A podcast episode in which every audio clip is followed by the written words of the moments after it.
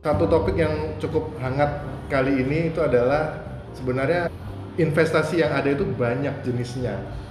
Nah sekarang mana nih yang cocok buat kita? Mungkin itu yang bisa jadi bahan diskusi kita untuk di podcast episode ini.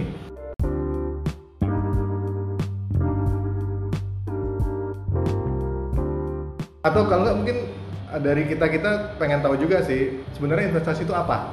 Itu dulu mungkin ya. Coba dari Mas Fir atau Mas J dulu Pemahaman kita tentang investasi. investasi itu apa? Apa itu investasi? Atau dari Pak Sri dulu, investasi itu apa? Ya, silakan Ya, sebagai yang paling banyak invest di mana-mana, coba silakan. Oh iya.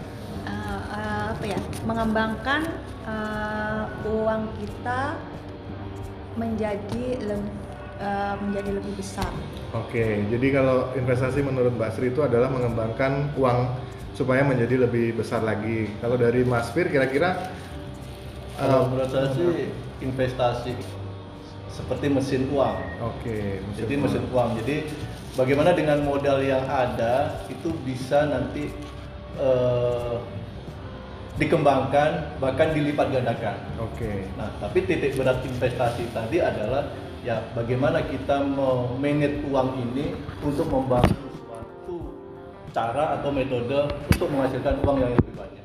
Oke. Kalau dari Mas J kira-kira apa nih? Apa namanya investasi menurut Mas J?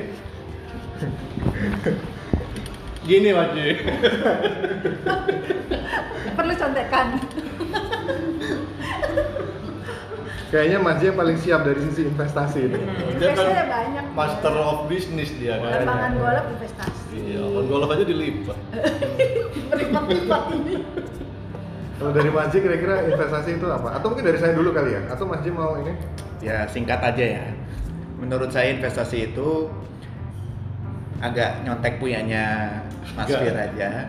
Adalah suatu cara bagaimana mengembangkan dana yang kita miliki menjadi lebih banyak. sama kayak gue dong Tapi tapi kita mengetahui segala resikonya. Gurunya sama, pasti sama. Guru ngajinya sama. Jadi kita harus memahami resikonya juga, jangan hanya taruh brak brak brak brak di mana aja yang kesannya secara on paper itu bagus, tapi kita juga harus memahami resikonya serta dampaknya ke kita kalaupun kita tidak dalam masa-masa investasi itu jelek, kita tidak beruntung atau sebagainya itu. Jadi investasi itu sebenarnya siap mental dan siap secara kapital itu. Ya sih bener nggak ada yang bener nggak ada yang salah di sini ya karena kayak menurut saya sendiri kalau investasi itu adalah bagaimana kita memanfaatkan aktif income kita untuk men, apa mengenerate sebuah passive income itulah investasi yang menurut saya dan juga eh, kembali lagi tadi dari Rizky dari Mas J, Mas Fir, Mbak Sri eh, melihat investasi itu dalam banyak hal. Kalau saya mengkategorikan investasi itu sebenarnya ada lima ininya. Yang pertama itu adalah investasi di pengetahuan. Pengetahuan ini bisa apa saja, bisa saat kita sekolah ataupun kita apa eh, saat kita membaca buku-buku segala macam itu adalah wujud dari investasi pengetahuan. Lihat YouTube, mendengarkan podcast, eh, Instagram segala macam itu sebenarnya adalah wujud dari investasi karena di situ ada waktu yang kita ambil untuk eh, melakukan sesuatu. Yang nomor dua saya biasanya mengkategorikan adalah investasi kesehatan. Jadi investasi kesehatan ini adalah bagaimana kita hidup dengan apa pola yang eh, sehat, olahraga yang cukup, eh, istirahat yang cukup untuk eh, mudah-mudahan di ke depannya eh, kita memiliki kesehatan yang lebih bagus. Kemudian ketiga itu biasanya saya mengkategorikan investasi keluarga. Jadi kita berdiskusi dengan keluarga, kita memperhatikan anak kita, memperhatikan keluarga dekat kita itu wujud dari investasi kita. Yang keempat mungkin adalah eh, investasi finansial. Itu di situ nanti akan melibatkan banyak instrumen keuangan. Selanjutnya yang terakhir mungkin yang banyak orang lupakan juga adalah investasi networking atau komunikasi itu adalah salah satu wujud di mana apabila kita berkenalan dengan orang itu juga atau ngobrol dengan orang yang tidak kita kenal itu adalah salah, salah satu uh, wujud dari uh, investasi yang mana kita nggak pernah tahu tuh siapa teman di balik orang yang uh, kita obrolkan. Jadi fokus podcast kita saat ini apa?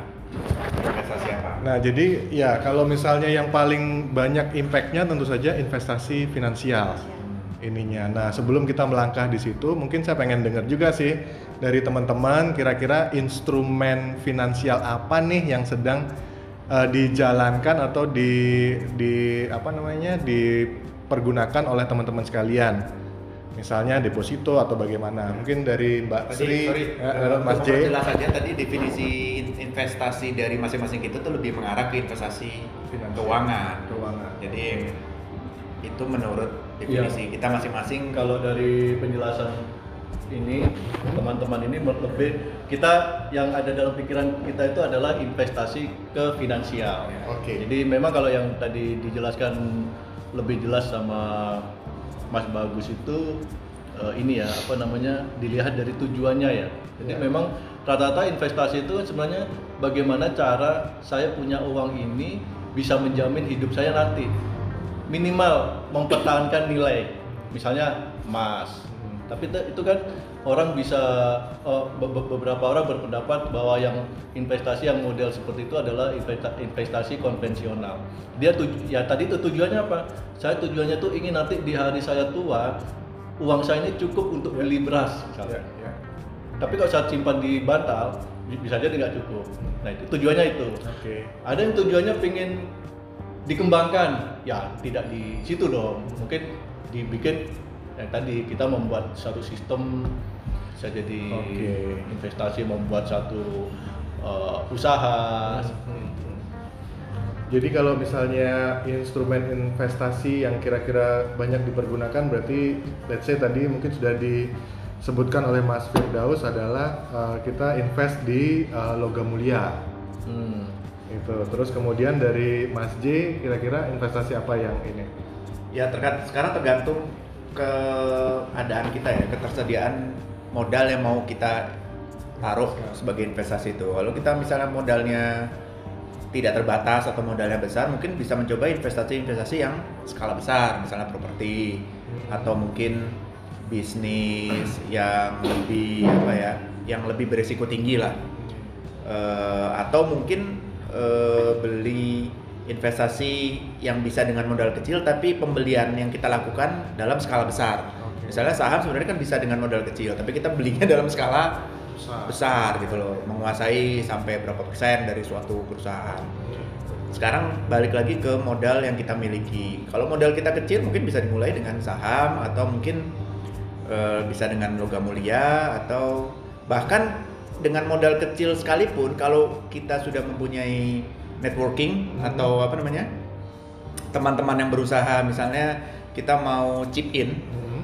mau berpartisipasi eh, dalam eh, investasi properti tapi modal kita kecil. Nah, kita bisa chip in atau beberapa gabung dengan beberapa orang yang eh, mungkin mempunyai teman-teman kita juga yang mempunyai proyek eh, misalnya pembangunan properti atau ruko atau penyewaan properti. Nah, kita bisa eh, berdasarkan persentase kita bisa ikut andil tergantung besarnya modal kita. Jadi kita sebenarnya walaupun modal kita terbatas atau modal kita kecil, tapi kita dengan sistem patungan kita bisa mempunyai investasi yang termasuk skala besar juga gitu. Dari Mbak Sri kira-kira ada yang mau ditambahin apa investasi apa nih yang sedang dilakukan? Kalau saya investasinya investasi yang mempunyai resiko resiko ni- nilai dari investasi saya berkurang. Jadi eh, pengen investasi itu nilainya bertambah dan Hmm. juga pemasukannya itu tidak berhenti. Contohnya? Contohnya kayak kos-kosan, kontrakan Nah, itu oke. eh, resikonya kecil sekali, Hmm. malah nggak mungkin bila bisa dibilang nggak ada resiko, malah kita eh, selalu selalu ada mendapat keuntungan ya walaupun ki- untuk menunggu nilai itu besar eh, nilai itu bertambah pun lama ya, tapi Hmm. kita yang kayak tiap bulan kita masih dapat income gitu. Iya. Tapi untuk mulai membangun kos-kosannya itu perlu modal besar. Iya, Iya. itu lama. makanya sekarang itu investasi itu kan bervariasi ya Ya, sekarang. betul. sekarang sudah mulai apa namanya eh, jenis-jenis investasi itu semua sudah semakin kreatif bahkan memberi ruang kepada orang yang nggak punya modal. Mahasiswa pun yang tiap bulan dikirimin sama orang tua itu dia bisa Iya. berinvestasi. Karena seperti ini seperti tadi Mas Mas J tadi bilang bahwa eh, kepercayaan itu bisa jadi satu investasi. Kepercayaan orang atau relasi itu kan Iya. Percaya terhadap Tuhan juga investasi. ya itu nah jadi Investasi akhirat. jadi jadi pada saat jadi selalu selalu gini saya mau mau berinvestasi apa saya mau melakukan usaha apa uang saya nggak punya modal Iya. selesai Iya. nah sekarang sudah semakin kreatif banyak sistem-sistem investasi yang bisa menjangkau orang-orang di kalangan yang tidak punya tapi dia punya semangat dan banyak sekarang apalagi sekarang banyak kan itu apa namanya penawaran eh membeli rumah tanpa duit Oh, orang kan iya. penasaran gimana caranya oh ternyata dia harus bisa menjual 10 rumah baru dia Baru dapat rumah duit. dia nggak Oke. punya modal Iya, iya, seperti iya. itu Hmm. nah jadi eh ya tadi eh, investasi itu ada ada klaster-klasternya bagi pemodal gede di situlah tempatnya bagi yang nggak punya modal ya kan kamu harus meluangkan energi yang besar untuk berjualan ber apa namanya berhubungan baik dengan orang Iya,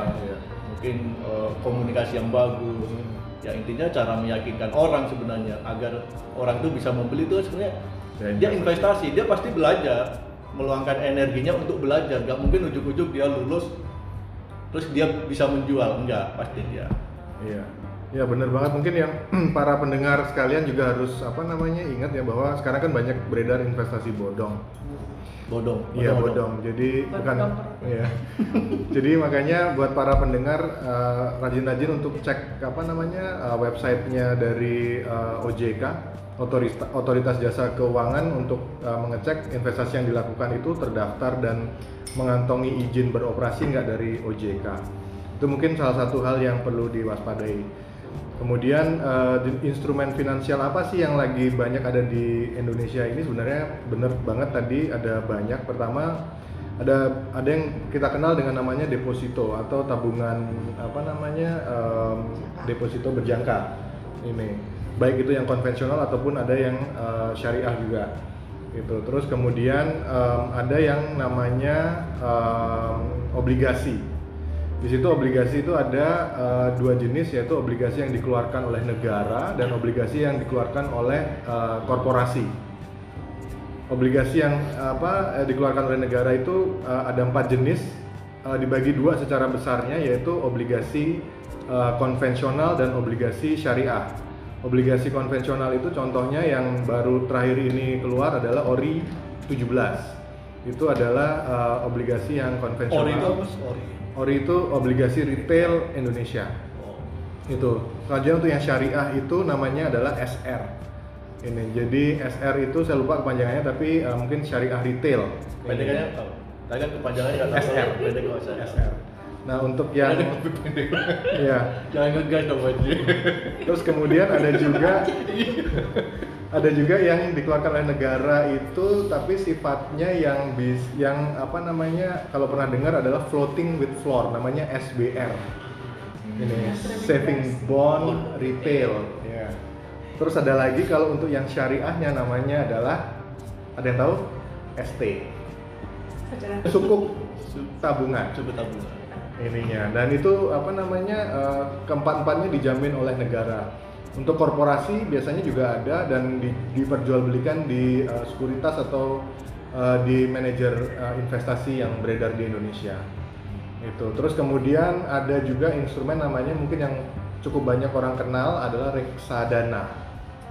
Nah, reksadana itu ada empat juga jenisnya. Itu yang harus teman-teman kenal, yaitu reksadana pasar uang, reksadana pendapatan tetap, reksadana campuran, dan reksadana saham. Keempatnya itu dibagi juga eh, dalam apa kategori resiko. Jadi nanti itu tergantung kalian memilihnya, apakah mau yang low risk, medium risk, ataupun yang high risk. Tapi diingatkan kembali bahwa itu eh, reksadana dibeli lewat manajer investasi. Nah, manajer investasi itu tentu saja harus terdaftar di dalam uh, OJK. Kalau yang banyak beredar sekarang berita-berita banyak manajer investasi yang uh, mereka mau mengeluarkan uh, bunga cukup tinggi tapi ternyata tidak terdaftar di OJK. Selanjutnya investasi yang apa orang-orang cukup takuti itu adalah investasi di saham. Orang akan berpikir bahwa eh, investasi saham itu eh, cukup sulit, rumit dan butuh modal besar. Tapi seperti Mas J bilang, ternyata saham itu sebenarnya dengan modal 100 ribu pun kita bisa. Tapi kembali lagi, nanti mungkin di episode berikutnya kita akan bicara lebih detail mengenai investasi saham. Karena di saham sebelum kita memulai untuk berinvestasi, kita tetap harus apa namanya paham ada tiga prinsip yaitu uh, fundamental analysis, technical analysis, dan sentimen analysis. Selanjutnya mungkin instrumen investasi yang memiliki risiko tinggi adalah permainan valuta asing yaitu yang kita kenal dengan nama forex. Ini dan yang terakhir yang baru-baru saja cukup heboh adalah cryptocurrency. Itu yang kita kenal dengan namanya uh, Bitcoin. Bitcoin. Oh. Memang sih kalau dari apa namanya experience yang saya lakukan memang sebenarnya ada tiga sih yang yang dari in- instrumen ins- investasi tadi yang yang pertama adalah investasi di properti tapi kembali lagi investasi di properti dia butuh modal yang besar yang agak membutuhkan modal yang agak menengah di bawah dari investasi properti adalah investasi pada private company jadi misalnya Mas Fir dia punya usaha yang secara tahunan menghasilkan keuntungan yang cukup tinggi, kita bisa invest ke perusahaannya Mas Firdaus ataupun Mas J punya apa bisnis uh, butuh untuk uh, membesarkan bisnisnya kita bisa invest di perusahaannya Mas J. Selanjutnya yang paling murah dan apa banyak mem- membuat orang di kehidupan di pensiunnya cukup apa namanya terjamin adalah investasi di saham. Seperti tadi dibilang bahwa dengan modal yang kecil, eh, nabung eh, cara berinvestasi yang benar, maka tentu saja di hari tua kita kita akan eh, mendapatkan hasil dari yang kita investasikan secara sabar dan disiplin tersebut. Tapi sebenarnya ada obligasi yang bisa diperjualbelikan di pasar sekunder. Ininya itu itu juga ada di situ. Ori, ori itu adalah eh, ori dia interest rate-nya itu fixed rate. Kenapa dia fixed rate? Karena dia bisa dijual diperjualbelikan di pasar sekunder. Ini dan diperjualbelikannya itu bisa uh, dapat capital gain seperti saham, tapi sangat jarang sekali bisa juga di apa dijual dengan harga lebih rendah. Gitu. Tapi itu ada bisa diperjualbelikan. Ya, kalau kita memperjualbelikan ori transaksi apa pihak yang kita eh, bertransaksi belum tentu dia mau juga mau juga membeli ori kita itu satu. Kedua, bunga yang ditawarkan oleh pemerintah di investasi ori itu kan juga tidak besar. Ya, betul. Jadi walaupun kita ada makanya tadi saya bilang selaku nasional, kita patriotisme kita, nasionalisme kita memang di diharapkan di situ di dengan memanfaatkan investasi ori ini karena mem- menunjang mensupport pembangunan dilakukan oleh pemerintah Indonesia kan. Nah makanya cuman ya tetap aja ujung-ujungnya juga kita harus berpikir profit yang balik ke kita tuh Iya, iya. besar apa kecil sih dan dalam waktu berapa lama sih itu hukum ekonomi aja kita Iya. mau mendapatkan keuntungan atau profit sebesar besarnya dalam waktu yang singkat singkatnya Harusnya kan banyak ya karena Iya. instrumen keuangan juga banyak. Uh, let's say dari Mas J itu punya dana lebih, let's say mungkin uh, 60% di properti atau 70% di properti, sisanya di 95% sih. 95% di properti, sisanya adalah apa namanya di instrumen yang lain gitu kan. Kayak misalnya kalau saya sendiri di investasi ke apa namanya eh, portofolio saya terus terang hampir dari 60% ada di saham, sisanya saya bagi nih. Saya bagi sebagian di properti, saya bagi sebagian di obligasi, saya bagi sebagian di eh, emas, logam mulia.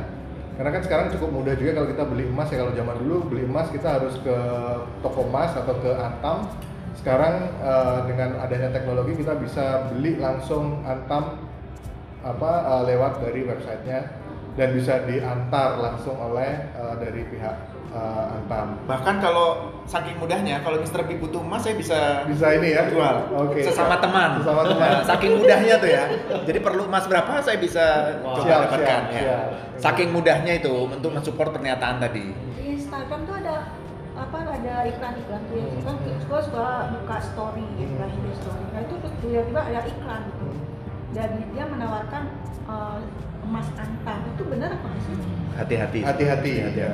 Karena kembali lagi kalau itu yang menawarkan siapa harus dicek namanya ada di OJK atau enggak. Hmm.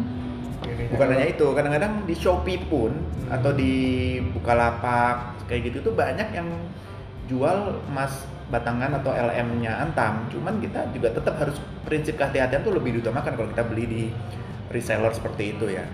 Karena kita tidak tahu fisiknya seperti apa. Lain kalau kita ke toko emas kita bisa lihat fisiknya atau kita ke Antam kita bisa lihat fisiknya. Tapi kalau di reseller seperti itu walaupun emasnya itu sudah dalam kemasan yang terbaru yang katanya sulit dipalsukan, tapi namanya juga pemalsuan itu tetap aja bisa terjadi di dalam kemasan yang baru itu. Jadi apalagi di kalau kita dapatkan dari reseller-reseller seperti itu, walaupun harganya mungkin dengan cashback, dengan diskon mungkin bisa di bawah dari harga eh, sebenarnya atau harga antam atau harga toko emas lainnya. Cuman kita mesti hati-hati. Oke. Bahkan di emas-emas yang lama itu kadar gramnya tuh kalau emas lama kan kita bisa megang fisiknya ya. Udah Iya. tahu belum? Pegang mas ya? Pegang emasnya kalau di emas yang lama tuh kita bisa megang Nah, emasnya. sekarang sekarang nggak boleh di ini ya. Nah sekarang emas yang baru tuh udah disegel. Udah disegel. Jadi di dalam segelan gitu kita nggak bisa ngelihat. Aduh saya nggak bawa ya. Kebetulan nggak bawa contohnya maaf ya. Kebetulan nggak bawa contohnya. Oke.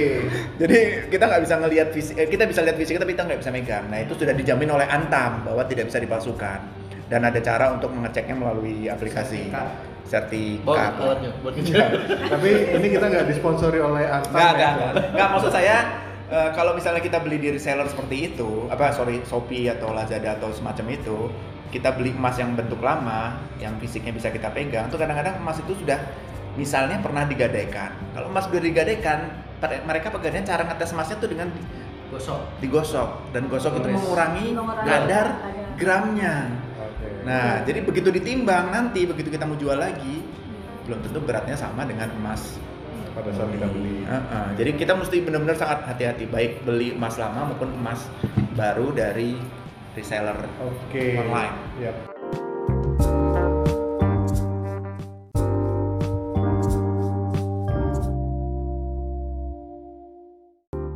Oke, mungkin apa em, sebelum mengakhiri apa namanya eh, pembicaraan awal kita di episode kali ini mengenai jenis-jenis investasi, eh, saya pengen sih eh, dengar pendapat dari teman-teman semua mengenai ketakutan apa nih yang akan Kirain- kita rasakan. kirain satu kata juga mengenai belum, belum. udah mulai mikir-mikir. Investasi. ketakutan apa yang akan terjadi apabila kita tidak melakukan investasi mungkin mungkin itu yang apa mulai dari saya dulu atau mungkin ada yang mau Satu kata, duluan? satu kata, boleh boleh Satu kata aja. satu kalimat satu kalimat. satu kalimat kira-kira ketakutan apa ini yang apa namanya pada saat kita nggak melakukan investasi akan terjadi apa gitu kepada kita hmm. siapa dulu nih yang ini lu udah ya kalau saya sih eh, ketakutan saya pertama adalah eh, Sama sama sama. strateginya cuma Jadi ketakutan saya itu adalah satu uh, satu Satu aja atau satu? Bagi-bagi dong. ketakutan saya Saya takut tuh. ketakutan saya ketika tidak ada investasi ya salah satunya adalah ketika negara mengalami uh, krisis itu sih mungkin jadi ketika negara mengalami krisis saya nggak punya investasi akhirnya akan uh, konyol kalau dari Mas J Jawaban saya sebenarnya kalau kita ingin mempertahankan gaya hidup saya saat ini pada saat nanti saya pensiun maka sudah harus dari awal lah kita mulai berinvestasi. Investasi, oke. Gitu. Jadi nanti begitu kita pensiun kita tidak mengurangi level hidup kita atau gaya hidup kita tapi bisa tetap mempertahankan seperti atau tidak beda jauh lah dengan gaya hidup kita saat ini Oke. dengan hasil investasi. Oke dari Mas Fir Ya. kira-kira Kalau saya sih namanya orang berinvestasi itu kita mempersiapkan ban karet. Pada saatnya kapal kita tenggelam, kita masih bisa terapung dengan ban karet itu. Oke. Kalau Mbak Sri Saya, saya modal untuk pensiun Pak. modal pensiun. Jadi Oke. kalau saya nggak ada penghasilan Masih saya agak masih takut juga. Kira selevel lu tuh masih takut sering. buat, buat, buat bayar ini bayar pajak BMW Oh. Oh, terus ini PBB kos-kosan gitu. Kosan, Iya. gitu Iya, kalau saya investasi itu sabar ininya.